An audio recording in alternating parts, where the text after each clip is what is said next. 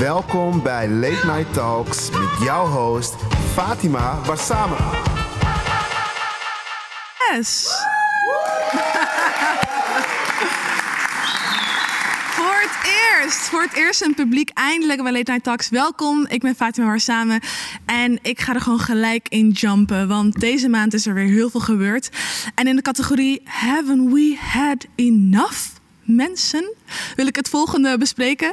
Uh, de, de, bosbranden in Californië, die misschien heb je het al gezien, al dagenlang is het fikken daar. Uh, over twee straatstaten heen, allemaal uh, branden. En die zijn veroorzaakt door, jawel, een gender reveal party. Je weet wel, dit soort dingen.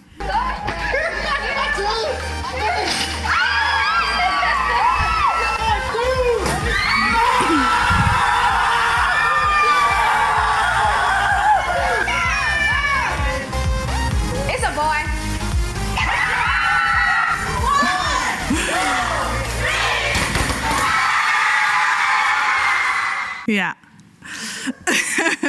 Op zo'n feestje maken dus toekomstige ouders het geslacht van hun kind bekend.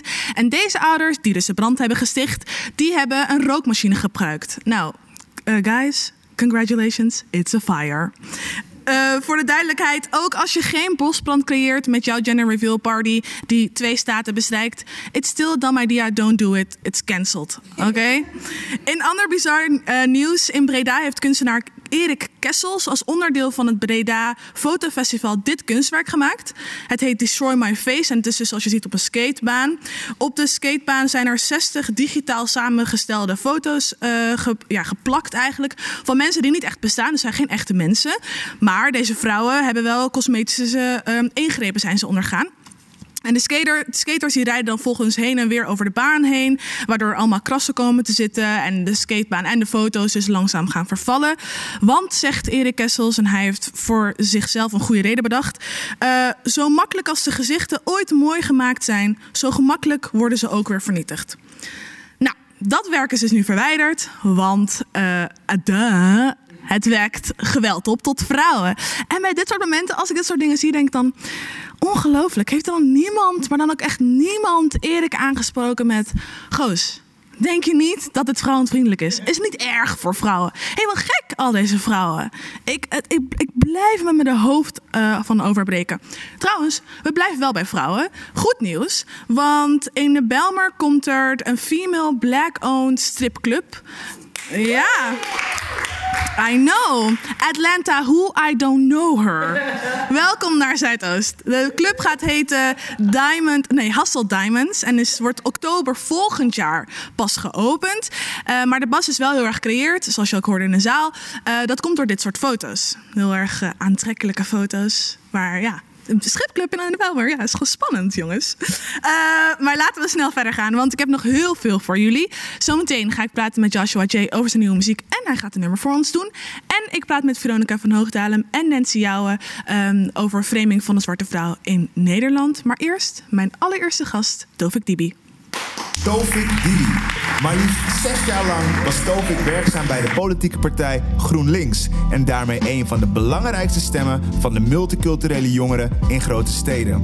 De inmiddels ex-politicus zet zich nog dagelijks in tegen ongelijkheid en doet dat op een creatieve manier. Vanavond bij ons aan tafel om te vertellen over zijn nieuwe boek Het Monster van Wokeness. Yes, dankjewel. Dankjewel. Tofik. Zo aardig. Ja, toch? Mm -hmm. Ja, ik ben heel blij dat je er bent. Dankjewel, ik ben er ook blij om te, um, te zijn. Want het is je tweede boek, gefeliciteerd. Merci beaucoup. Hoe voel je je erover? Goed. Mm -hmm. Ik bedoel, uh, het heeft heel lang geduurd voordat ik het af had. Had eigenlijk veel eerder uh, af moeten zijn. En uh, je bent dan altijd zenuwachtig, weet je, van hoe, hoe gaat die lancering? Is er wel aandacht voor? Kan ik ja. mijn verhaal kwijt? En ook als je dan met een journalist praat, gaat hij dan wel de, snapt hij het wel? Ja. En dat was heel spannend de afgelopen weken, want um, ik heb vooral interviews gehad met witte journalisten. En dit is een onderwerp wat best wel gevoelig ligt bij ook veel witte mensen. Omdat de, de vergroot, het vergrootglas ligt eigenlijk nu op witte mensen in Nederland. Eigenlijk in heel het Westen. Dus dan uh, merkt je merkte in die gesprekken wel een beetje soms de, de spanning. Ja. Um, ik ga je echt graag stoppen. Want ja. ik, wil het, ik wil het niet te lang hierover doorgaan. Daar okay. kom ik zo meteen op. Ja. Ik ga eerst een spel met je spelen. Okay. Het spel heet Invited to the Cookout. Um, invited to the cookout. Ik leg het even uit. Invited to the cookout. Je moet het zo zien. Je bent bezig met een feestje. Natuurlijk corona poef, hè? Poef. Proef. Um, je bent bezig met de gastenlijst. Lekker eten, lekker drinken. Maar wel, wie ga je uitnodigen? Nou, ik ga aan jou een aantal mensen voorschotelen waarvan je denkt... Nou, nodig die uit op mijn feestje of niet? Oké. Okay. Het is mijn cookout? Het is jouw cookout. Ja, ja, ja, ja, Maar iedereen mag meedoen. Dus maar ik, vraag, ik begin bij jou. Um, de eerste is Adele. Want uh, Adele deelde op Instagram een foto van zichzelf in een bikini op Notting Hill, Notting Hill Carnival uh, Festival in Londen. Uh, de foto zit ze in een bikini met de Jamaicaanse vlag en bantu knots, weet je wel, van die mm -hmm. knotjes. Um, wat, wat, vond je hiervan toen je dit zag? Oké, okay, ik vind die discussie over cultural appropriation best wel ingewikkeld. Van heel mm. veel dingen die zeg maar nu circuleren in de woke discussie vind ik deze het meest ingewikkeld. Want ik denk bij mezelf van uh, als, een, als een meid gewoon geïnspireerd is door een of andere kledingstijl of een haardracht of een lichaamsversiering en ze doet niemand kwaad, ja. what, what's the problem? Dus bijvoorbeeld toen Femke Louise haar haar had gevlochten, weet je, ging iedereen ook hem. En toen dacht ik bij mezelf van, maar ze benadeelt toch niet die andere cultuur. Kijk, als je dit doet als Adele dit zou doen en vervolgens allerlei domme racistische grapjes zou maken of uh, neer zou kijken op, uh, op, op de cultuur die ze zeg maar wel gebruikt voor haar fashions, dan zou ik zeggen, dan mag je haar soort van tijdelijk cancelen. Mm -hmm. Maar in, Adele is sowieso uh, invited to the cookout. Ja, okay, ja, zeker. Ja, maar wat is het verschil tussen Adele en Kim Kardashian dan? Um, ook in het geval van Kim Kardashian. Oké, okay, ik vind de Kardashians iets ingewikkelder. Die, die hebben een hele business gemaakt eigenlijk van zwarte vrouwen imiteren. Mm -hmm. um, um, uh, daar waar zwarte vrouwen, wanneer ze grote lippen hebben of een grote ass hebben, vaak zijn weggezet als ghetto of ratchet of wat dan ook, hebben, uh, hebben de Kardashians daar vooral profijt van gehad. Maar op zich is dat ook niet hun schuld. Dat is vooral de schuld van de maatschappij, die blijkbaar bij de Kardashians iets edgy vindt of spannend vindt of high fashion vindt.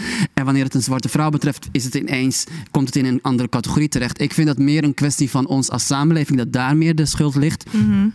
Dan bij een vrouw die vette vlechten ziet en denkt van eigenlijk is het toch gewoon een eerbetoon. Eigenlijk is het toch een soort van. Nou, dat is de discussie. Mensen hebben zoiets van: is het cultural appropriation of cultural appropriation? Uh, appreciation. Achter jou zit Nancy. Ja. Um, ik vraag even aan jou. Luca komt er nu even aan met Hallo, een mooi Nancy. microfoontje. Um, hoe, hoe zie jij dat eigenlijk? Hoe zie ik wat? Hoe zie je Adele, ja, Adele met de bantu knots en, uh, en uh, een bikini? Hoe, hoe, wat vind jij? Culture appropriation, culture? Uh, appreciation? Nou, ik, snap wel wat Tovik zegt, sowieso. Het is, het is heel ingewikkeld. Waar ik denk dat er een grijs gebied is, inderdaad. Dat sowieso. Um, ten tweede denk ik wel dat, um, ja, dat je toch altijd wel kritisch moet kijken naar wat doet iemand wanneer en waarom? Mm -hmm. um, heeft ze zich ooit uitgesproken tegen racisme bijvoorbeeld? Heeft ze zich voor zwarte vrouwen uitgesproken in een omgeving die uh, werden aangevallen? Dus je kijkt, kijkt al, altijd ook wel naar de context, ja, denk ik. En als het heel makkelijk inderdaad toe-eigenen is, dan kan je altijd afvragen: what are you doing, girl? Want um, uiteindelijk is het natuurlijk heel makkelijk, juist voor witte vrouwen, om dit zich toe te eigenen. Dan is het sexy en edgy. Doet een zwarte vrouw dat, ja. dan zit ze al vaak op de verkeerde kant. Ja. En, en dat, is het, dat is het ding. Wij zijn natuurlijk met z'n allen de maatschappij. Dus juist mensen met een miljoenenbereik zoals Adele hoop, dan hoop je ook dat zij uh, een role model is die mm. positive is for all women, not just white women. Mm. Dus ze is invited uh, bij jouw cookout? Sorry? Ze is invited bij jouw cookout? Of ze invited is bij mijn cookout. Ja, ik, ik, ik ben, ik ben een beetje. Ik, je, ik ben zo iemand, ik moet je eerst kennen. Ah, ik ken okay. haar gewoon niet. Ah, okay. Nee, nee, scherpe vrouw. Ik, ik waardeer het, ik waardeer het. uh, we gaan snel door, want de volgende is uh, Brit Dekker. Zij, um, zij zei namelijk, rapper Aquasi heeft dus aan het AD verteld dat zijn juf hem bepaalde namen noemde, waaronder uh, Aquarium. Uh, en met een lachende klas, klas als gevolg. En Britt Dekker vond het allemaal een beetje overdreven, want zij tweette het volgende. Um, ja, en mijn docent noemde me een on onhandelbare lui, lui varken. Haha, moet ik nu ook gaan lachen? Deze man, puntje, puntje, puntje. Nou, heel veel ophef. Mensen hadden zoiets van, ja, Dirk, uh, heeft echt gelijk, want iedereen is wel eens uitgescholden. En andere mensen hadden zoiets van, um, nee, wat jij zegt klopt niet. En het, het, is oneerlijk dat jij dit zegt. Hoe, hoe kijk jij daar tegenaan? Um, ik denk dat pesten van kinderen, of het nou door kinderen, kinderen die andere kinderen pesten, of dat het een docent is die grapjes maakt over, over kinderen in de klas. Ik bedoel, ik ben ook wel door, door leraren van alles en nog wat genoemd. Um, ik denk dat het altijd fout is. Mm -hmm. uh, dus dat je het altijd moet benoemen. En dat Aquasi het benoemt, daar is niks mis mee. En zij mag het ook benoemen. Het is niet omdat hij het benoemt dat ineens we vergeten dat zij misschien ook, weet je, dus ze betrekt het meteen op haar persoon. En dat zie je heel vaak. Dat, dat ze dan, dat, dat, um, een wit persoon het heel persoonlijk maakt als iemand van kleur iets zegt wat diegene dan ook heeft meegemaakt. Ja, maar ik heb het toch ook meegemaakt. Ik zeg toch ook niet dat het een probleem is. Nee, maar laat hem eventjes zijn punt maken. Voor hem was het blijkbaar wel een probleem. Dus uh, Britt Dekker en haar huzarensalade of haar uh, uh, aardappelsalade met rozijnen zijn not invited to the cookout. maar ik, ik, wil daar wel even op duiken. Daar, waarschijnlijk gaan we het zo meteen ook daarover hebben. Mm -hmm. Maar die knee-jerk reaction waar je het over hebt. Van voornamelijk witte mensen die dan schieten van. Maar ik, ik, waar, ja. waardoor komt dat, denk je? In het boek, zeg maar, hebben we daar een, een moment over. uh, het wordt ook wel eens white fragility genoemd. Een soort van goedbedoelende witte mensen die eigenlijk niet echt racistisch zijn. Ik denk ook echt niet dat zij racistisch is. Um, wanneer je ze aanspreekt op iets wat ze niet helemaal goed hebben gedaan of verkeerd hebben verwoord. Of wanneer uh, Aquasi dus zoiets zegt, is er soms de neiging om heel erg in een porseleinen kopje te veranderen. Van oh my god, weet je, heel erg breekbaar te worden. Um, omdat ze dan het gevoel hebben dat ze worden uitgemaakt voor racist. Mm. Um, en dat merk ik de laatste jaren heel vaak. Um, heel vaak hoor je uh, witte mensen zeggen: uh, waarom, maar ik ben toch geen racist? Ja. Uh, blijkbaar um, is dat iets wat heel erg ja, wat toch doorklinkt in als wij hierover praten. Uh, Sylvana heeft het een keertje heel, heel mooi gezegd. Ze, ze, ze, uh, iemand, uh, verschillende mensen mailden haar met dingen als... waarom noem je ons racist, waarom, waarom, noem je die en die racist? En toen zei ze eigenlijk, geef eens een voorbeeld van iemand die ik een racist heb genoemd. En toen kwam er geen voorbeeld, want dat deed ze eigenlijk niet echt. En dat herken ik heel erg. Dat um, wanneer we over dit onderwerp praten, de, de neiging heel snel is om um, te, het gevoel te krijgen alsof je voor racist wordt uitgemaakt zonder dat dat woord is gevallen. En ik denk dat dat wel een deel van het probleem is. Dat we daarom soms een beetje vastlopen. Mm -hmm. Ja, dus misschien moet.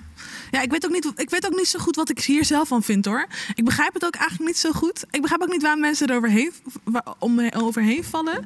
Ik denk wat zij zegt is, wat zij doet is, ik heb het ook meegemaakt.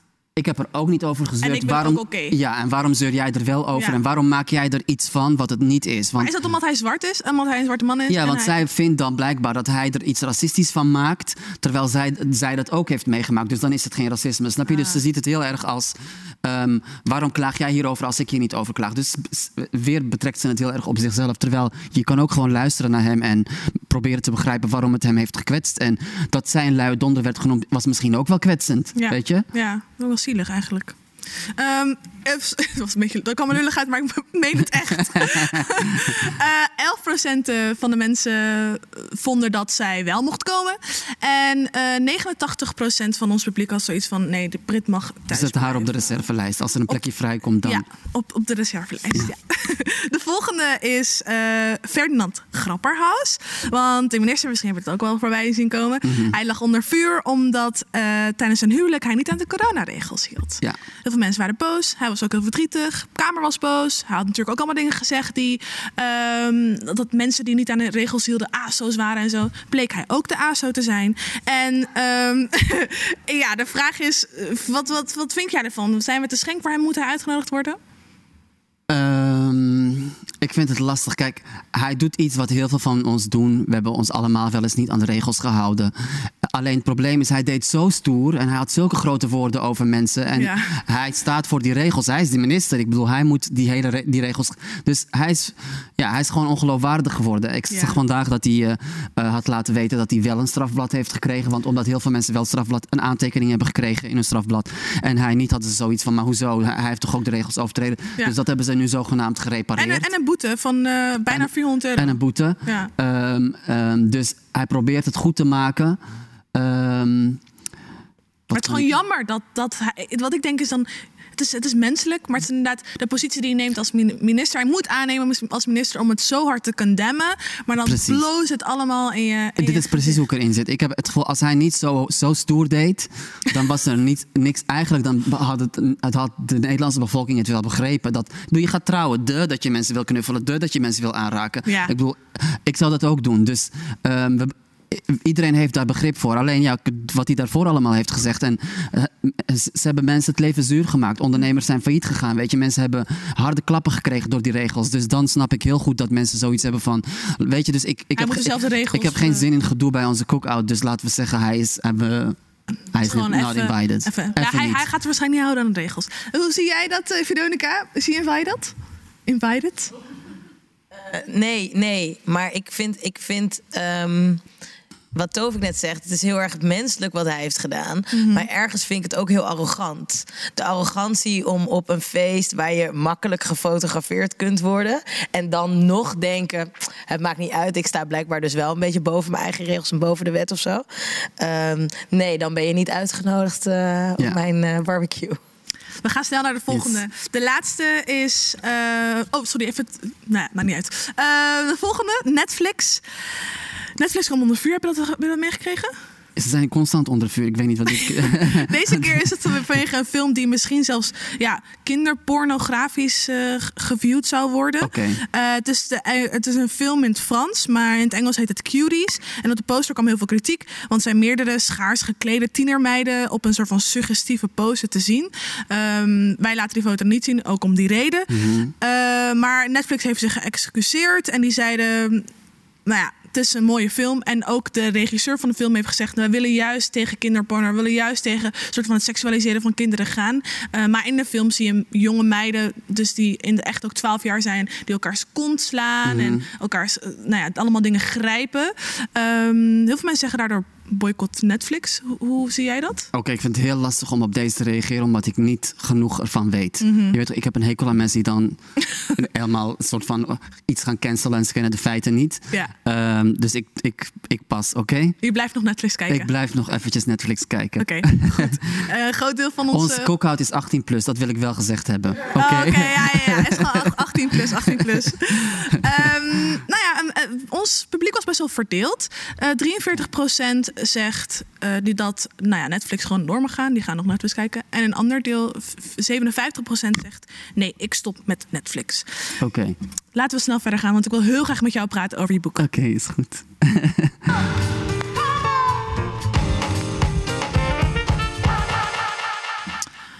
Weet jij nog, vijf jaar geleden zat jij hier, of niet hier, ergens eigenlijk ergens anders, eh, om te praten over je boek Gin. En nu zijn we hier vijf jaar later eh, met je volgende boek. Dit moet eigenlijk gewoon een traditie worden, vind ik. Het is gewoon bizar dit. Toch? Ja, Kijk, baby is Fatima en baby Tofik Een baby Rudy. en baby iedereen. Baby, ja, baby Rudy zien we niet, maar dat was het begin van... El Ca- ja, toen was het El Caburen, zeg maar. En Ja, Zo ja. zie je maar, als je, de, als je volhoudt waar je kan komen, zeg zijn we maar. hier, ja. Die zaal was skerder dan deze zaal namelijk. Zeker weten, ain't gonna lie. Het blijft truth hour hier. Eh, maar hoe, hoe voel je je over je tweede boek? Is het, is het anders dan toen, toen, je, toen we ook hetzelfde gesprek eigenlijk hadden? Ja, dit is veel meer. Dit is nu. eh, Dit is veel leuker en, en, en meer fun, zeg maar. In dat, dat eerste boek was gewoon. Er zit veel drama in. En er was ook mijn coming out. En Ja. mijn familie wist eigenlijk een week voordat het boek uitkwam pas wat er ongeveer in het boek stond. Mhm. Dus ik had heel veel opgespaard. En het was, het, het was gewoon een heel spannend moment. Ik wist niet wat er ging gebeuren eigenlijk na dat boek. Ik wist wel ongeveer wat er ging gebeuren. Want ik wist dat er dan bepaalde dingen op straat zouden gaan, meer gaan gebeuren. En dat het gevoelig zou liggen bij mijn familie. Maar het was een hele ander type onderwerp dan dit. Dit boek is ook wel, heeft ook spannende onderwerpen. Maar ik weet ik heb het gevoel dat ik nu meer als... Ik ben best wel een creatieve jongen, vind ik zelf. Ik kan nu heel veel van mijn creativiteit kon ik in dit boek kwijt, zeg maar. Ja. En het is gewoon veel leuker. Ja, maar het is ook groei. Het is ook, Ja. eh, ik ben ook vijf jaar later een ander persoon. Ik Eh, zie- of ik ja, ik zie persoon, maar wel Ja. gegroeid inderdaad. En het is ook een, een ook wel grappig, ingrijpend, eh, lichter ergens eh, roman. Eh, voor de mensen die, ik moest ook even weer denken van wat betekent wokeness nou echt? Want ik gebruik het woord zo vaak. Mhm. Maar kan je even uitleggen wat, wat betekent wokeness? Eigenlijk is, is woke gewoon een nieuw woord voor dat je maatschappelijk bewust en geëngageerd bent. Dus dat je ongeveer weet wat de systemen van onderdrukking en ongelijkheid zijn in de samenleving. Dus dat ehm, vrouwen een bepaalde een andere set aan ervaringen hebben dan mannen en homo's dan hetero's en cis mensen dan trans mensen en ehm, mensen van kleur eh, hebben weer andere set aan ervaringen dan, dan witte mensen. Dus dat je eigenlijk ongeveer snapt, eh, able-bodied people. Weet je, ik, wat, ik ben bang om een groep te vergeten, want je weet hoe snel, hoe snel Alle groepen, alle alle, alle groepen. Maar nee, maar dat je ongeveer wel weet dat je identiteit ook iets zegt over het pad wat je in je leven aflegt. Ehm, maar eh, woke zijn kan ook zijn dat je anticapitalistisch bent of dat je een klimaatactivist bent. Dus eigenlijk gewoon dat je bekommert om meer dan alleen jezelf. Ja, ja, en ook die verschillen erkent. Ja. Ja. En het is wel grappig. Mensen die echt woke zijn, die noemen zichzelf niet woke. Het is zeg maar dat Noem jij jezelf wel eens woke? Nee, niet Nooit. echt. Super woke ben ik. Je hebt nooit een. Nee. Ik, heb, ik betrap Nee. mezelf er best wel vaak op dat ik dan denk van... Oh, die persoon is bijvoorbeeld mijn psycholoog. Ja, persoon, psycholoog is echt heel nice. Ja, ze is ook best wel woke. Ja, ik zeg het wel voor andere mensen. Ah, Dat oké. jawel, jawel, zeker. Eh, wa- waar, waar, komt, waar kwam de inspiratie vandaan voor dit boek? Ehm, ik zat op Twitter. Ik, net als heel veel eh, andere ehm, eh, mensen was ik daar roekeloos aan het doen. En eh, kwam Wat ik in alle... dat, roekeloos? Ja, gewoon in allerlei discussies terechtkomen. en Ruzie maken en, Ja. en memes en paddy doen en weet je, al die dingen. En, eh, ehm, en ik, leerde het, het, ik leerde iets over nou ja, de social justice warriors. En misschien was ik er zelf ook wel één. Ge- Gewoon mensen die de hele tijd bezig zijn op social media met racisme en seksisme en homohaat en zo. En ik dacht van, damn, dit is best wel spannend. Eigenlijk is het wel interessant om een keer een inkijkje te geven in hoe, dat, hoe zo iemand leeft. En wat, eh, waarom, ga je, waarom, waarom ga je op Twitter en waar- hoe word je dan ineens woke? En Ja. wat doet dat dan vervolgens met je eigenlijk in je leven? Ehm, en ik zag heel veel mensen bij wie dit gebeurde, ook net als bij mezelf. Ik denk bij, bij, eigenlijk, ik denk bij heel veel mensen die hier aanwezig zijn. Ehm, dus ik dacht, ik ga gewoon heel erg observeren hoe dit gaat. Maar als je zegt dat dat gebeurde, wat is dat dan? dat je eigenlijk, je, je ontdekt best wel, je ontmoet heel veel andere mensen op social media. Soms ook mensen die op jou lijken, die dezelfde dingen hebben meegemaakt. En ze geven je ook soms woorden om die dingen te begrijpen. Ehm, ik, bedoel, ik heb zoveel woorden geleerd waarvan ik dacht van, damn, oh, dus whiteness. Oh mijn god, ik snap nu wat whiteness heb ik mijn hele leven gezien eigenlijk. Maar nu heb ik er pas een woord voor. Of eh, mansplaining en al die dingen, weet je. Ja. Zel- Zelfs cultural appropriation, daarvan dacht ik ook van, oké, damn, dus er zijn allemaal woorden voor allemaal dingen die ik mijn hele leven lang wel ongeveer heb gezien en meegemaakt. Dus je wordt heel erg woke. Ja. Ehm, en vervolgens heeft dat ook invloed op je leven, op hoe je met op je vrienden omgaat, hoe je met je familie praat, eh, over eh, het N-woord wel of niet gebruiken, al die dingen, weet je. Ehm, ehm, en ik wilde heel graag, want ik zag dat het groot aan het worden was en dat steeds meer mensen een beetje die kant op aan het bewegen waren nadat we heel lang in een soort van post-9-11 Wereld. wereld zaten. Waar die discussies de hele tijd gingen over wat er mis was met de multiculturele samenleving. En nu was het eindelijk mensen van kleur, queer mensen, die, die zeiden van hallo, ik heb ook wat te zeggen. Ja, ja.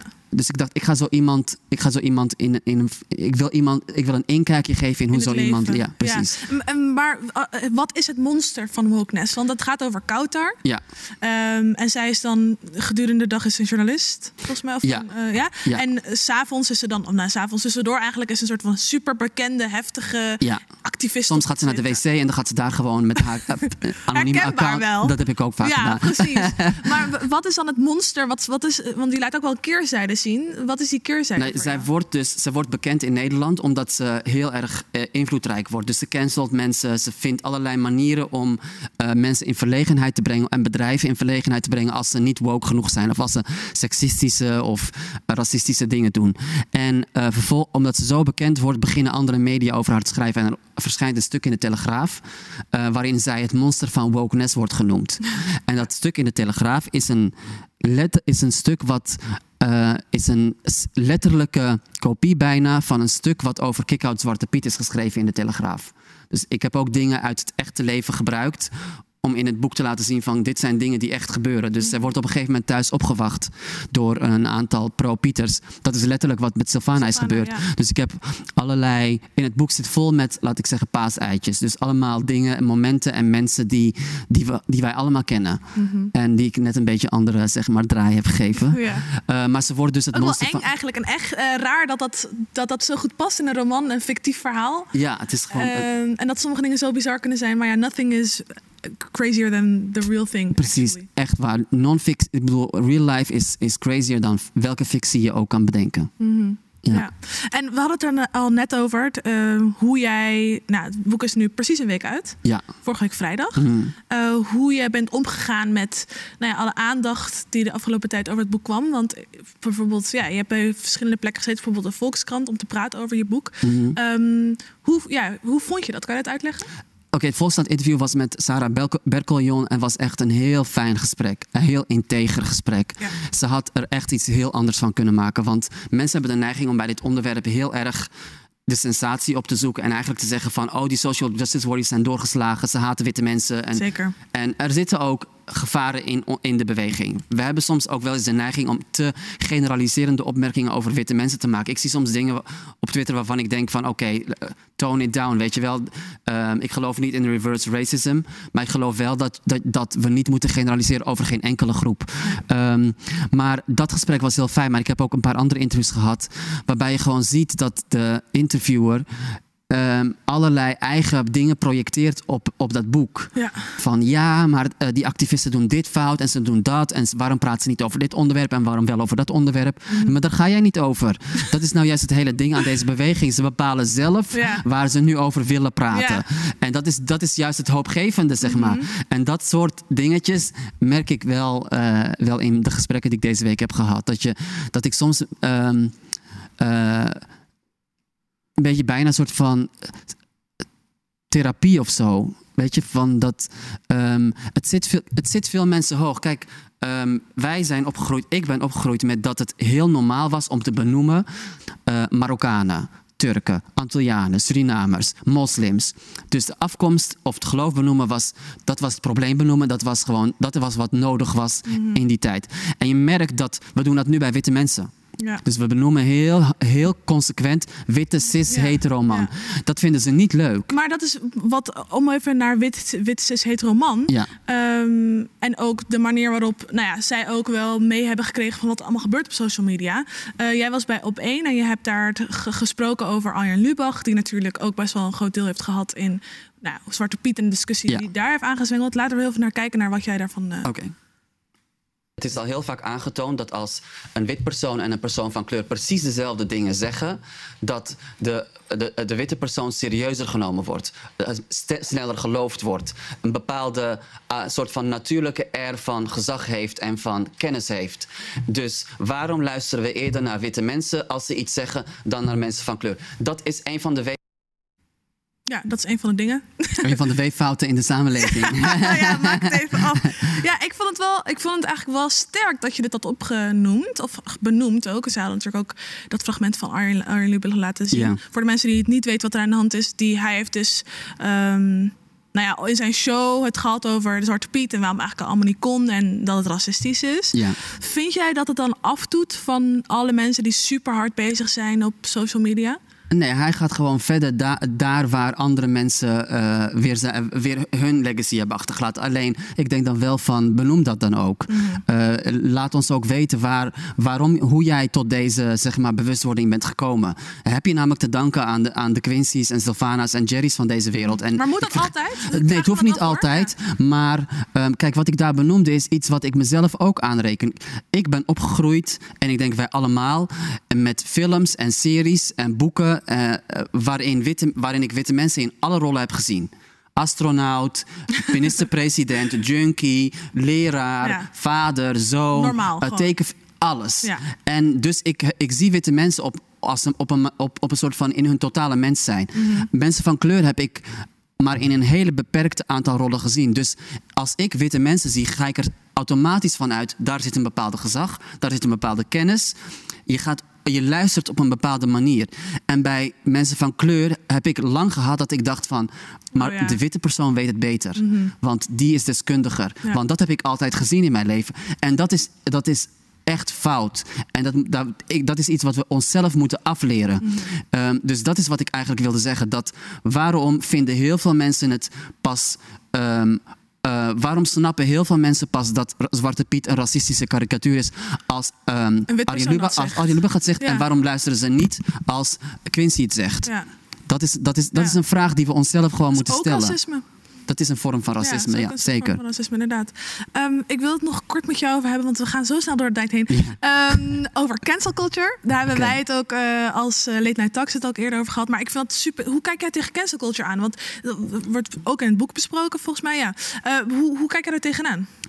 Oké, dubbel, dubbel. Het is moeilijk, want ik, ik, ik kan heel lang met je verder praten hierover. Maar ehm, voor een deel be- bestaat het niet. Want ik zie heel veel mensen die zogenaamd gecanceld worden en, en vrolijk verder gaan eh, eh, tot de orde van de dag. Zogenaamd Johan Derksen was gecanceld, maar hij, hij, is gewoon weer op tv. En niet dat ik vind overigens dat hij gecanceld moet worden. Ehm, ik, ik denk dat.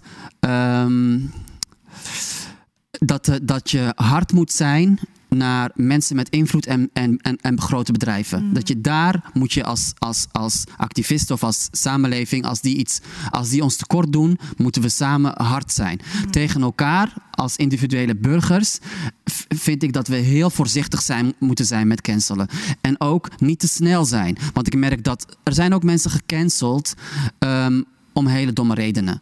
Of om hele kleinzielige redenen. Of voordat de feiten echt bekend, bekend werden. Dus ehm, cancelen ja, maar bewaar het voor de mensen en de, en, de, en de politieke partijen en de bedrijven die het echt verdienen, omdat die echt iets fout doen. Dus Ben jij wel eens bang om gecanceld te worden? nee, ik heb gezegd in het video, weet je, alleen, alleen Allah kan me cancelen. Ehm, True. ja, ik, kijk, ik wil, tuurlijk wil ik wel. ehm, Maar ben je niet bang van, oh shit, misschien gaan ze zo meteen die tweets vinden van 2012? Of, oh nee, dit is wat ik nu heb gezegd, is misschien niet goed. Nee, ik weet waar mijn hart ligt, zeg maar. Dus ik weet dat, dat ik denk niet dat dat ooit op die manier kan gebeuren. Ik, Ja. ik ben soms wel eens bang dat ik denk van, ik wil wel dat de activisten, zeg maar, dat ze zien van, ah, ik ben een van jullie, weet je. Ja. Ik, en niet dat ze, dat ze op een gegeven moment misschien denken, als ik, als ik het oneens ben met bepaalde dingen, bijvoorbeeld wat ik net over cultural appropriate, dat ze dan denken van, ah, hij, is- hij probeert te slijmen bij Ja. die of die, of hij probeert, Ja. nee, dat doe ik niet. Ik zeg gewoon wa- wa- wat mijn overtuiging is, zeg maar. Dus daar ben ik soms wel eens een beetje bang voor. Topik, ik wil je zo erg bedanken. Je boek, eh, Je hebt die- Monster van Je Wokeness. mag, jullie mogen er iemand blij mee maken. Ah, leuk, dat is heel leuk. Dat gaan we zeker doen online. Dankjewel. Yes, alsjeblieft. We gaan snel door naar Joshua J. eh, want eh, hij, hij is fantastisch. Hij gaat zo meteen voor ons optreden. Ik ga met hem praten. En als je hem niet kent, dan ken je hem wel van deze tracks. You feel much better when you lock my door.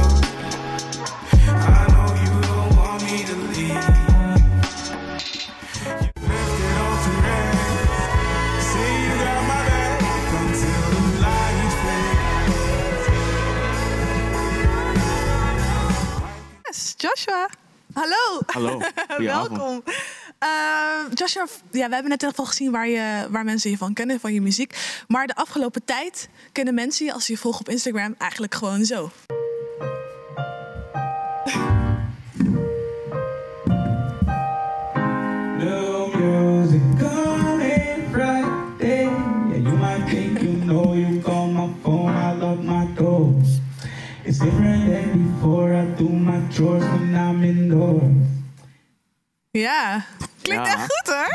Dankjewel, dankjewel. Jij bent heel actief geweest op Instagram afgelopen tijd tijdens de hele corona-quarantaine.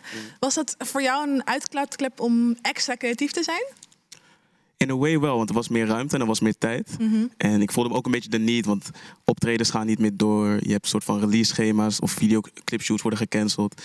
Dus het was voor mij wel een beetje de kans om eh, alsnog bezig te blijven. En ik kreeg ineens nieuwe inspiratie, ik was veel thuis. Ja. En eh, ik was gewoon veel muziek aan het maken. En ik dacht van, waarom leg ik het niet gewoon vast? En heb ik alsnog gewoon iets om eh, van mezelf te laten zien. ja. Hoe reageerden je volgers hierop?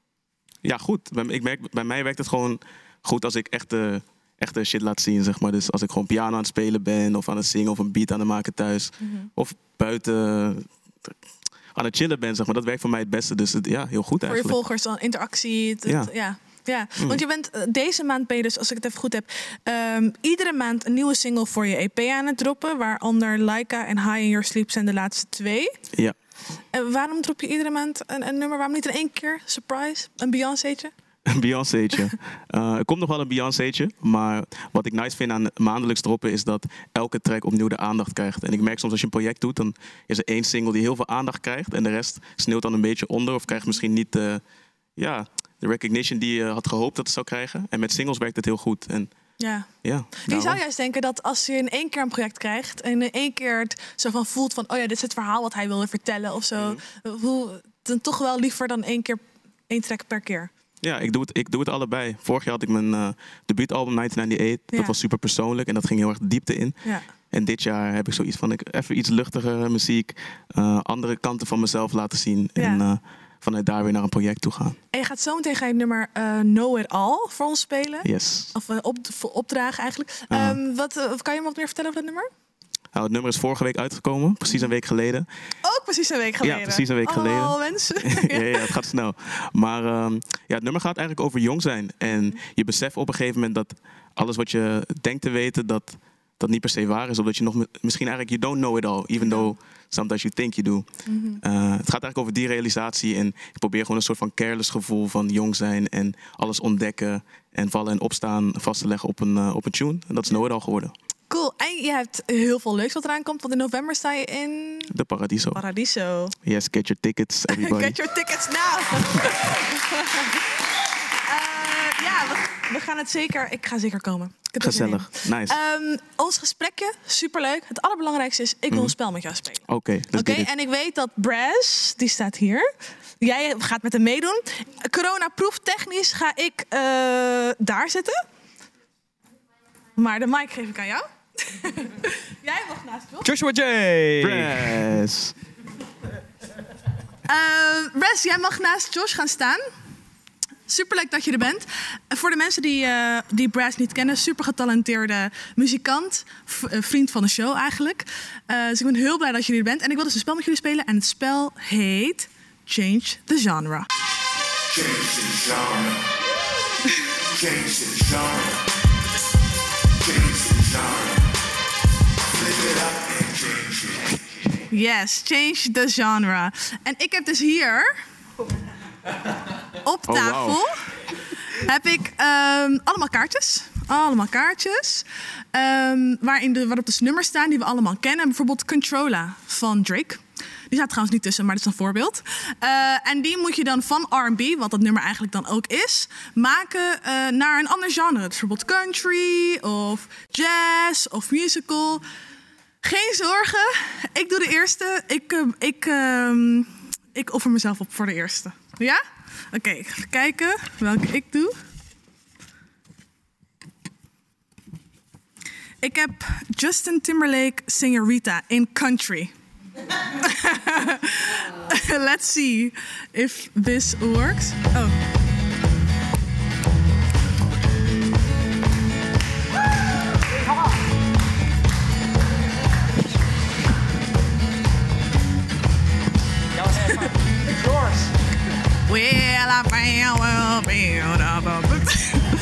Senorita.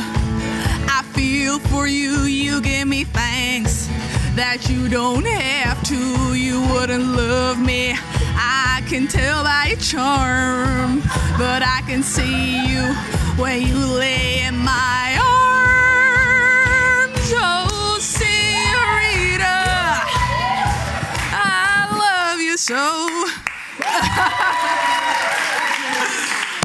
Ja, je weet, dat was een lastig hoor. Heel, heel lastig. Maar de volgende is voor, en ik begin bij Brian Briz. Are you ready? Ik denk het. Jij hebt, Ik denk het. ja? Oké, eh, jij hebt Rihanna, Bitch Better Have My Money in Disco.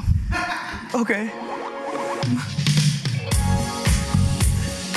Bitch better have my money. Ooh, money. Zoek de tekst snel op. Y'all should know me well enough. Hey, I said, bitch better have my motherfucking money.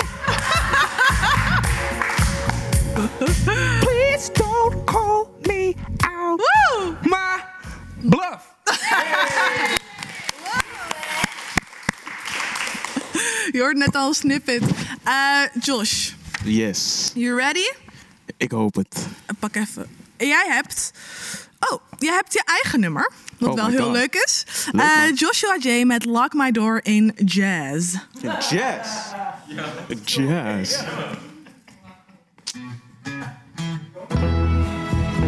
Oh. Dit is geen... Dit is geen... Even kijken wat er allemaal gaat. Doe het in country. In country. Hey. Country Josh, You let's feel go. much better when you lock my door. I know you don't want me to leave. You know exactly how we was before. Come on, baby, hand me my keys. Hand me my keys, yeah. I'm not afraid of the night, yeah. I'm not afraid of your lies. Look me straight into my eyes, yeah. I'll be outside with my guys. I'm not afraid of the night, yeah. I'm not afraid of your lies, yeah. Look me straight into my eyes, yeah. I'll be outside with my guys. Outside with my guys. Hey. Yeehaw, Het is echt partner. deze move, hè? Braz, you ready to hit him back? Yes. Jij hebt... Jij hebt TLC No Scrubs in reggae. All right, me no want them bomber clat scrub. yeah, yeah, yeah. Ah. A scrub be the boy that can, also known as a bossa. Always talking about what he wants and just sits on his ass. So, no, I don't want your number. No, I don't wanna give you mine. And no, I don't want anything of you. No. And here we go. Yeah, I don't want no scrub. A scrub is a guy that can get no love from me. Hanging out the passenger side of his best friend's ride, trying to holler at me. I don't... Wauw, wauw, wauw. Dat was echt zo... Dat was zo goed. Dat was zo goed. Please make a reggae version, alsjeblieft. Ga ik doen vanavond. Eh, jij hebt, eh, Josh, jij hebt Destiny's Child, Say My Name in ook reggae. Say my name, say my name when no one is around ya. Say, baby, I love you. You ain't running game. Tell 'em. say my name, say my name. Boom. You acting kinda crazy. Ain't calling me baby. Bumbo clot name. Say my name, say my name. When around you. Say, baby, I love you. You ain't running game. Say my name, say my name. You acting kinda crazy. Ain't calling me baby. No man. On! Woe! ik heb er nog, ik heb er nog voor elk heb ik er één. Ik begin met Brass. Die doen we even super snel, oké? Eh, oh, jij hebt Snoop Dogg featuring Justin Timberlake Signs in Jazz. Oh wow. The real jazz. Thank you, Josh, for this game. We're out here. Okay. I don't know what. Cupid, don't fuck with me. Are you telling me this is a sign? She's looking in my eyes. I see no other guy. Are you telling me this is a sign? Don't talk about Yes! it. boy, Wauw, die was wel echt... I'm so amazed at you guys' skills. Eh, laatste, ook voor jou, Josh. Ehm, Snoop Dogg, Drop It Like It's Hot in Disco. Yes, do it.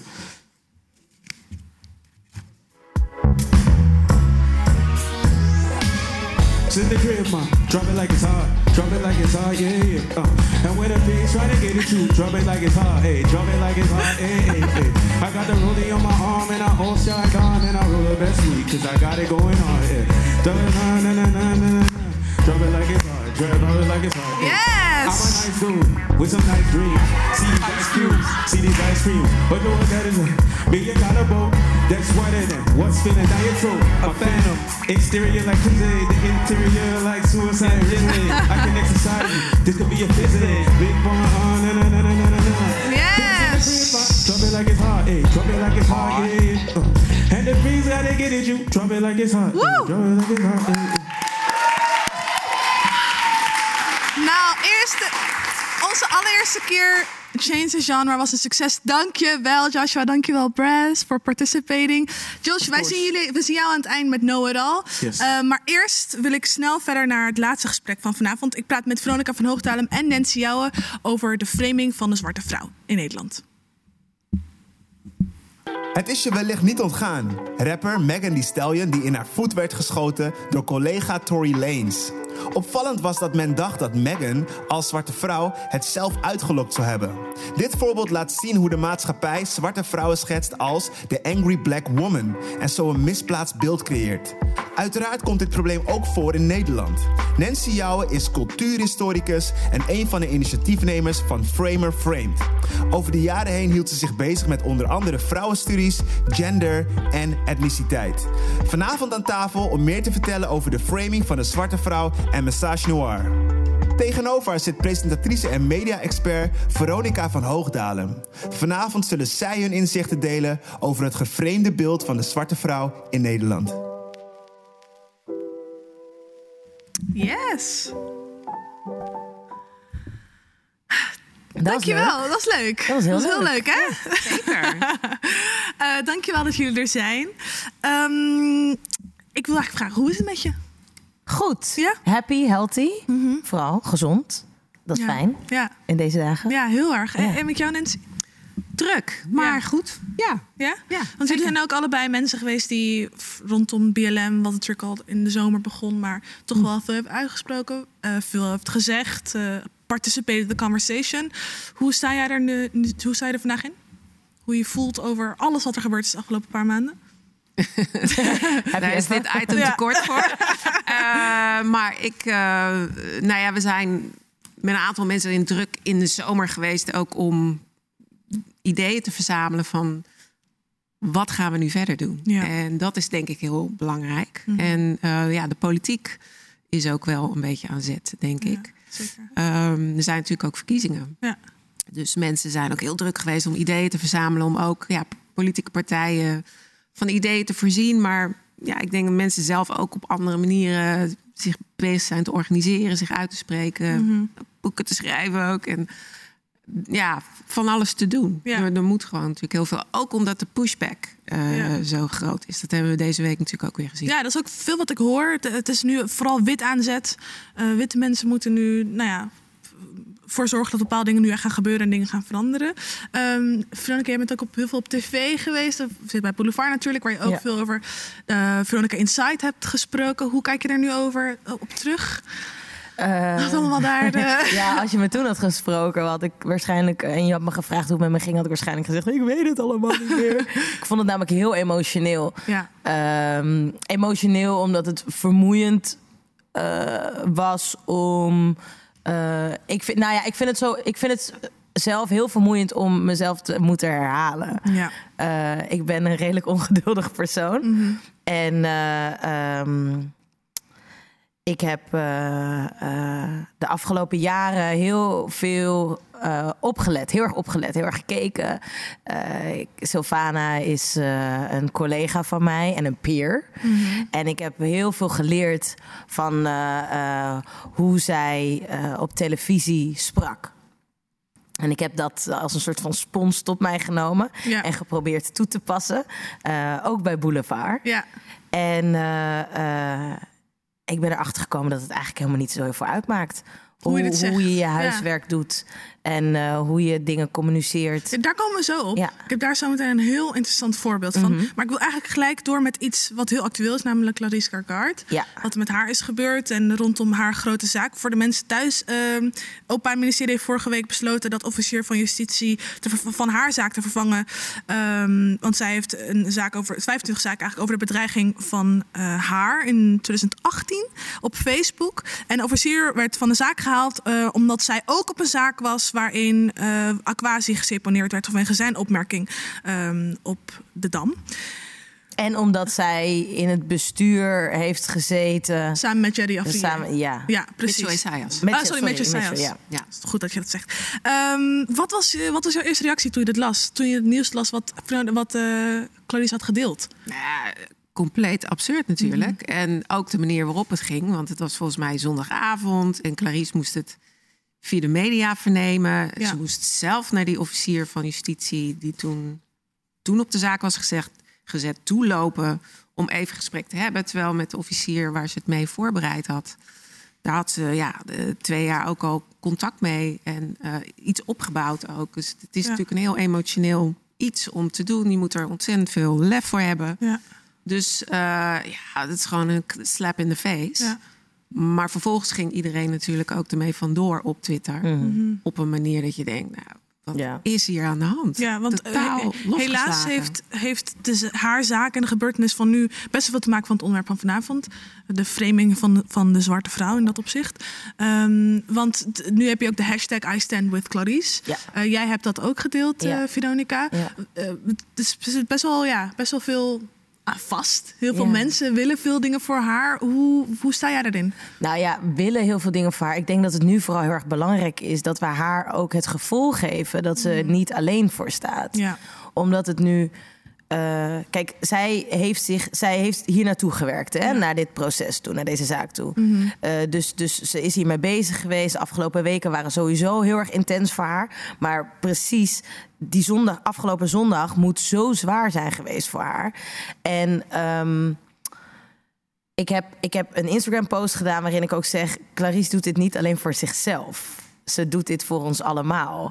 En ik denk dat het heel erg belangrijk is dat we dat dus met z'n allen als eh, samenleving eigenlijk. eh, beseffen. dus beseffen. En dan ook dus achter haar staan. En als het nou, weet je, of dat nou in de vorm van een social media post is, dat soms denk ik ook echt zo, oh, weet je wel, dat dat. dat Ja, maar het online. helpt. Maar in dit geval vind, ja, vind ik het wel heel erg belangrijk, omdat ik wil dat mensen het zien. Ja. Ik bedoel, ik stuur Clarice ook gewoon privé een berichtje. Dus Ja. het had eigenlijk niet zo heel veel uitgemaakt als het alleen maar voor haar was. Maar het is wel belangrijk dat mensen weten, hé, hey, wij kijken hiernaar. Eh en ook dat de officier van justitie, dat het OM het ziet, weet je wel. Ja. Ik wil gewoon dat, ik wil dat iedereen het ziet. Dit gaat niet alleen om Clarice. Dit gaat om ons allemaal. Eh, wij zwarte mensen, maar wij vrouwen. Eh, en ik denk iedereen die online bedreigd wordt, belachelijk gemaakt wordt, gepest wordt. Hier met het. Want we hebben toch zoveel gepikt met z'n allen. Ja. Maar echt. Ja, nee, maar dat is ook de reden waarom ik ehm, het hier vanavond over wil, over wil hebben. Over hoe de framing van de zwarte vrouw. Sylvana zou hier vanavond bij zijn. Helaas eh, eh, kon dat niet meer. Maar zij is ook een heel groot voorbeeld van ehm, nou ja, hoe je wordt gepoliced op je toon, op, op wie je eigenlijk bent. En Nancy, jij hebt eh, een artikel geschreven voor One World. Waarin jij het woord uh, misogynoir hebt genoemd. Kan dat uitleggen? Dat is best wel actueel ook. Het is heel simpel. Ja, misogyn is eigenlijk het woord voor vrouwenhaat. Noir is het Franse woord voor zwart. Dus het is haat en minachting jegens specifiek zwarte vrouwen. Dat is wat het betekent. Maar het is ook belangrijk. Ik bedoel, taal is belangrijk. Taal maakt dingen echt. Ja. eh, maakt dingen waar. Ehm, waarom is het belangrijk om op dit stukje nou ja, intersectionaliteit ook te focussen? Ja, nee, ik denk dat het, eh, het. Het is heel grappig, want mensen, eh, dames van, van mijn generatie. eh, full, hè, full disclosure, ik ben 50 plus. Maar er zijn dus mensen die, die, die dat woord dus nog niet kennen, maar wel zo het hebben dan van. Oh ja, dat is het. Oh ja, nu. Hè, dat woord vangt een hele reeks van dingen die ik voel of zie of meemaak. Ja. Ehm, net zoals dat Gloria Wekker met haar boeken Witte Onschuld uitkwam. En dat mensen zoiets hadden. Wow, oh, je zie je ja. wel, ik ben niet gek. Ja. En ik denk dat dit woord dat ook vangt. Hè. Er is natuurlijk een specifieke haat tegen eh, zwarte vrouwen. En er zijn talloze voorbeelden van. Ja. Ehm, en het is belangrijk om dat ook te vangen. Ook omdat het eh, daardoor helderder wordt als een maatschappelijk probleem. In plaats van losse in- incidenten en je stelt je aan, meid, doe niet zo raar. Ehm, het- en het komt ergens vandaan. Hè? Dus Ja. ik heb het ook geprobeerd eh, hi- historisch te vervatten. Dat het echt ergens vandaan komt, uit een koloniaal tijdperk. Eh, slavernij, ja, we gaan het er allemaal bij halen. Maar daar komt het dus ook vandaan dat we op bepaalde manieren specifiek naar zwarte vrouwen kijken. Dus op het moment dat zwarte vrouwen zich dan anders gaan gedragen dan men gewend is, hè, niet meer het, eh, de sexy playdoll bijvoorbeeld, Nee, of ja. de typische eh, angry black woman, maar inderdaad mensen zoals, maar ook Seada Norhusen eh, naast Clarice Van, One ook- World. Ja, precies. Ehm, en natuurlijk allerlei andere die ik ook in het eh, artikel heb genoemd. Op het moment dat ze ook buiten stereotype rollen bij wijze van spreken van zwarte vrouwen. Hè, niemand eh, eh, had het over Sylvane of iedereen vond Sylvane geweldig. Ja. Toen ze gewoon fijn op Ja, lekker een, VJ, een, ja. een, een mooie vrouw op tv en stond te VJ'en, weet je wel. En ineens gaat ze het over politiek hebben. Wat- en wat is het en, dan? En dat, dan stapt ze buiten eh, ja, eigenlijk het gebied waarin ze mag opereren Mhm. van ons als maatschappij. Hè? Dus de- er is een soort dominant beeld geschapen van dit mag jij. En als je daar buiten valt, ja, dan, dan stap je eigenlijk binnen dan- de normen die voor jou gesteld zijn. Maar is het dan dat, dat we het dan niet meer snappen? Ik, ik, ik zit ook toen we met het onderwerp bezig waren, zaten we ook te denken van... kunnen we het pinpointen waarom vooral zwarte vrouwen zoveel eh, bagger over zich, zich heen eh, krijgen? Nou ja, je noemde het woord intersectionaliteit al. Ja. Het gaat natuurlijk ook over de intersectionele positie van een zwarte vrouw. Hè, die op allerlei ehm, momenten tegelijkertijd als vrouw. Ehm, eh, vanwege haar eh, etniciteit en, en een aantal andere aspecten. ehm, dus ook niet eigenlijk die typische positie van macht eh bekleedt. Hè, Tovik Dibi had het, er, had het er net ook al over. hoe we naar witte mensen kijken in het algemeen. Ehm, is, ja, we zien zoveel voorbeelden van witte mensen, zodat we ons ook makkelijk kunnen herkennen en, en, en, en terug, ja, Maar dat is verplaatsen in. voor en en dat, is, dat is eigenlijk nauwelijks het geval. Maar ook, ze moet haar plek kennen. Ja. Ja. Hoe, hoe was dat dan voor jou, Veronica, toen jij begon in de VJ-wereld? Eh, wanneer was de eerste keer dat jij dacht van... oh shit, ik ben een zwarte vrouw in de media en dat, dat is iets... Ehm, en, en, en hoe bedoel je, zeg maar, als in backlash of in mijn persoonlijke ervaring? Ja, nee, als in, in de media. Toen jij op een gegeven moment, ja, toen er tijd naar buiten kwam of je, je kwam op tv. ehm, Nou, ik, ik denk dat ik jarenlang niet ehm, als VJ... Ik was 18 toen ik begon. En ik voelde al wel... Ik had al wel redelijk snel... eh, ik kreeg snel te maken met seksisme. Ehm, dus ik had al wel heel snel het gevoel van... Oh ja, oké, dit is wel grappig... dat al mijn mannelijke collega's... eh, al deze bullshit niet over zich heen krijgen. Ja. Eh, en dat had vooral te maken met opmerkingen van kijkers. Wij hadden, bij TMF hadden wij, eh, we waren heel erg modern. Dus we hadden een website en een chatplek waar mensen dan berichtjes konden sturen. Mhm. En iedere keer wanneer ik presenteerde, ging het over mijn uiterlijk of zo. Ja, ja Dus- dat, dat is ook iets wat ik heel veel om me heen hoor. En als ik ook eh, google van Ja. Veronica die hangt op, hing op alle, in alle jongens in kamers. Ja, precies dat. Ja, maar je herinnert je geen interview wat ik ooit heb gedaan. Fuck. Eh, ehm, en, ehm, maar ik, ik merkte op een gegeven moment, ik werd ik wat ouder en ging ik ehm, programma's presenteren, ook met, met andere collega's, meerdere presentatoren. En daar hadden we, weet ik veel, twee mannelijke presentatoren en nog één andere vrouw. En dat waren dan alle drie witte mensen.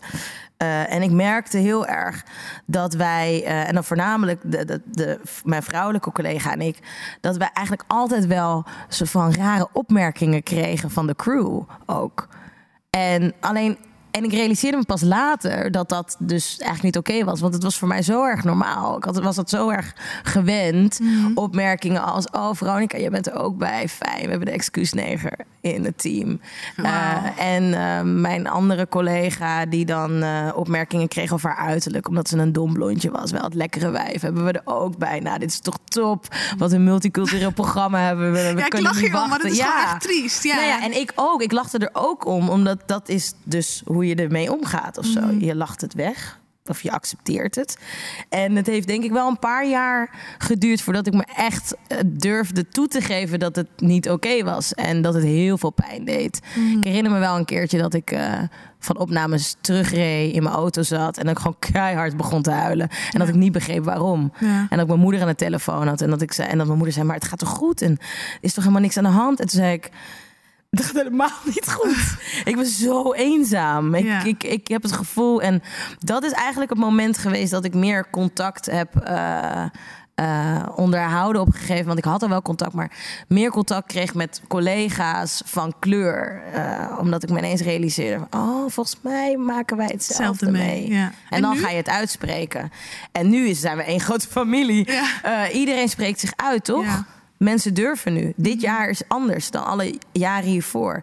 Ik herinner me dat, we, mm, dat ik twee jaar geleden bij een ehm, anti-Zwarte Piet demo- demonstratie was. En ehm, dat, dat, dat, ik het, dat ik het spannend vond om naar mijn auto terug te lopen. En dat ik dacht, wow, dit is... Oh, wat eng. Ja. En ik had niks getwitterd. Ik had helemaal niks gedaan. Ik was alleen fysiek daar aanwezig. En toen dacht ik, oké, ja, ik moet nu wel even, even rustig. Rustig aandoen. Ja, even uitkijken. Ja. En dat gevoel is compleet weg. Omdat ik het gevoel heb dat we nu met z'n allen zoveel sterker staan. En ons Ja. durven uit te spreken. En er is ook geen weg meer terug, toch? We Nee. zijn nu hier met z'n allen. En Ja, we gaan voor verandering. We benoemen het, alle pijnpunten. En ehm, je bent met ons of tegen ons inmiddels. Ik wil het, ik wil het heel veel ehm, over de framing van een zwarte vrouw. Eh, ik heb een fragment van een video van Alleen maar nette mensen. Mm. Een film met 2003, 15? Ja. 13? 11 of 12, ja. Het boek is uit 2008. Ehm, en het is een voorbeeld nou, ja, van zwart- hoe zwarte vrouwen in ons land worden neergezet. Eh, als sterk. En die kunnen het eigenlijk allemaal wel. En eh, laten we er even naar kijken. Luister.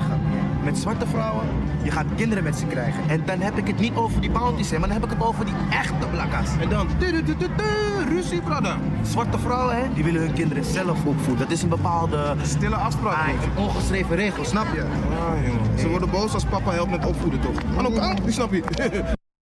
Ja. Het is dus dit fragment, eh, zag ik, kwam ik vaker voor, eh, zag ik voorbij komen.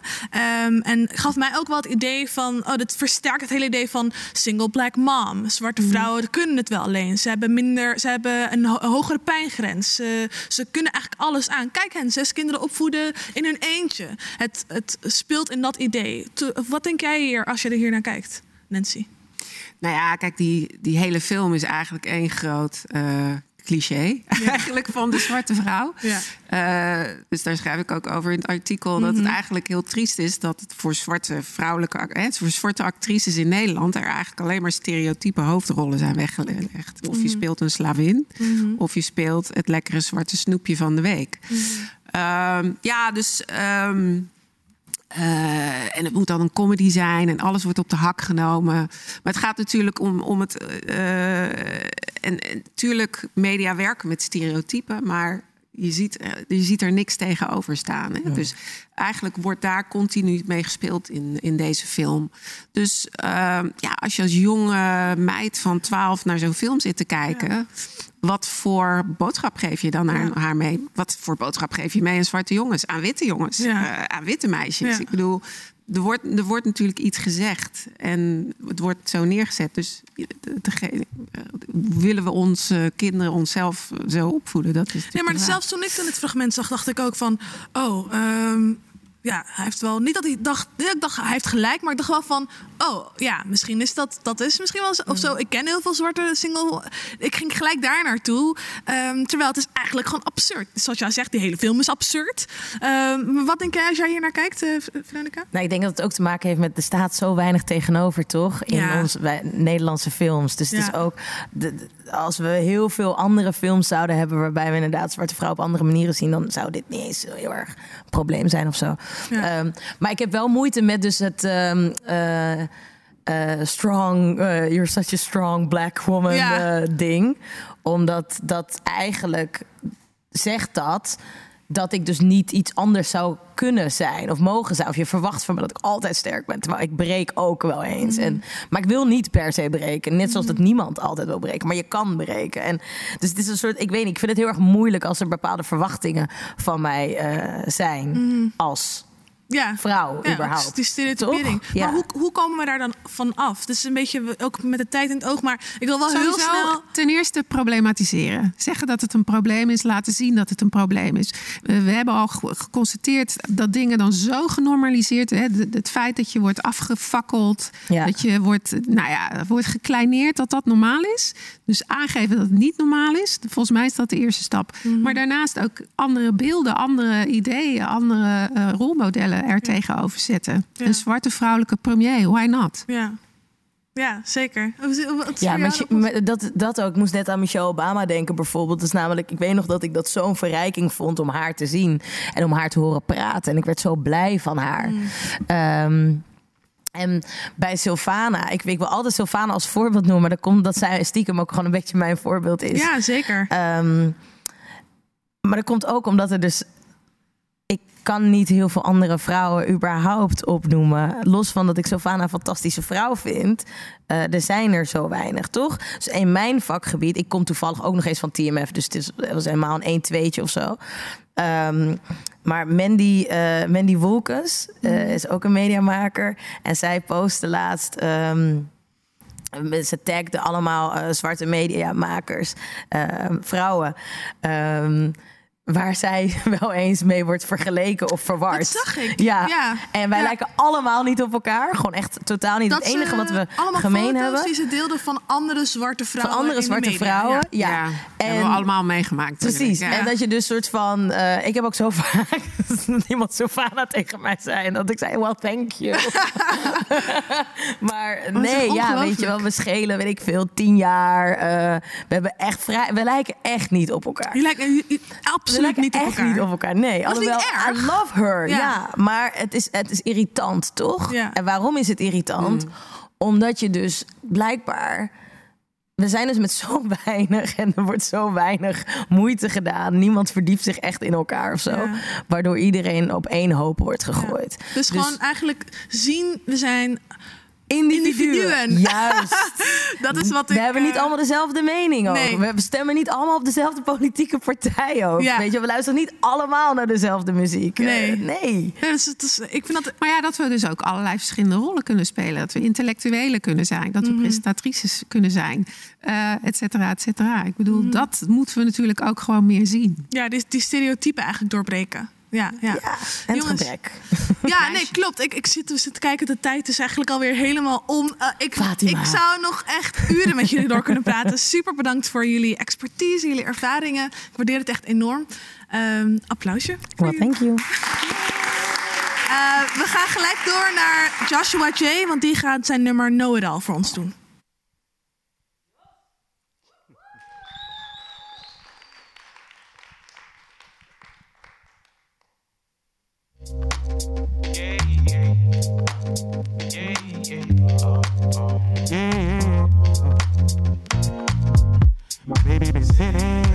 Team stay winning.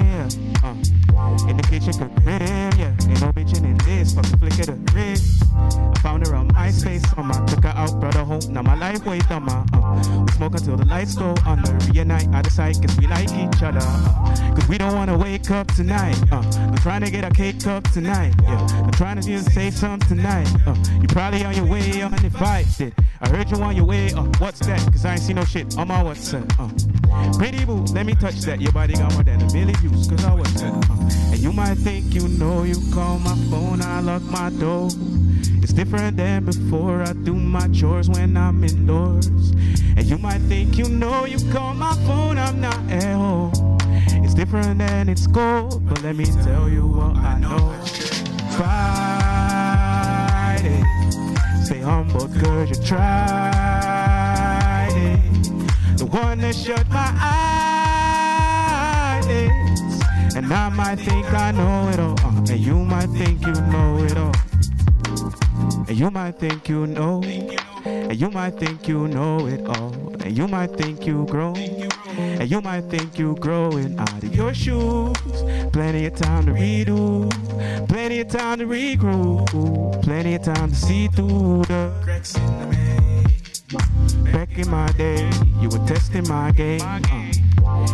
You in my case. I'm at best when you play me. Gave me my feelings while you play sweet. Blew my mind like Tracy. Everything that made me take the time you gave me. But you know what I like. And you know how to hand it over. And you know when I strike. It's best for you to bend it over. Gotta bend for the bands, so the tension so intense. Gotta tell it to your friends. Uh, no offense, but your vibe on the low, I need it high. I'm the prize, I gotta cleanse. Uh, and you might think you know, you call my phone, I lock my door. It's different than before. I do my chores when I'm indoors. And you might think you know you call my phone, I'm not at home. It's different when it's cold, but let me tell you what I know. I shouldn't fight it. Uh, stay humble cause you tried it. The one that shut my eyelids. And I might think I know it all. uh, and you might think you know it all.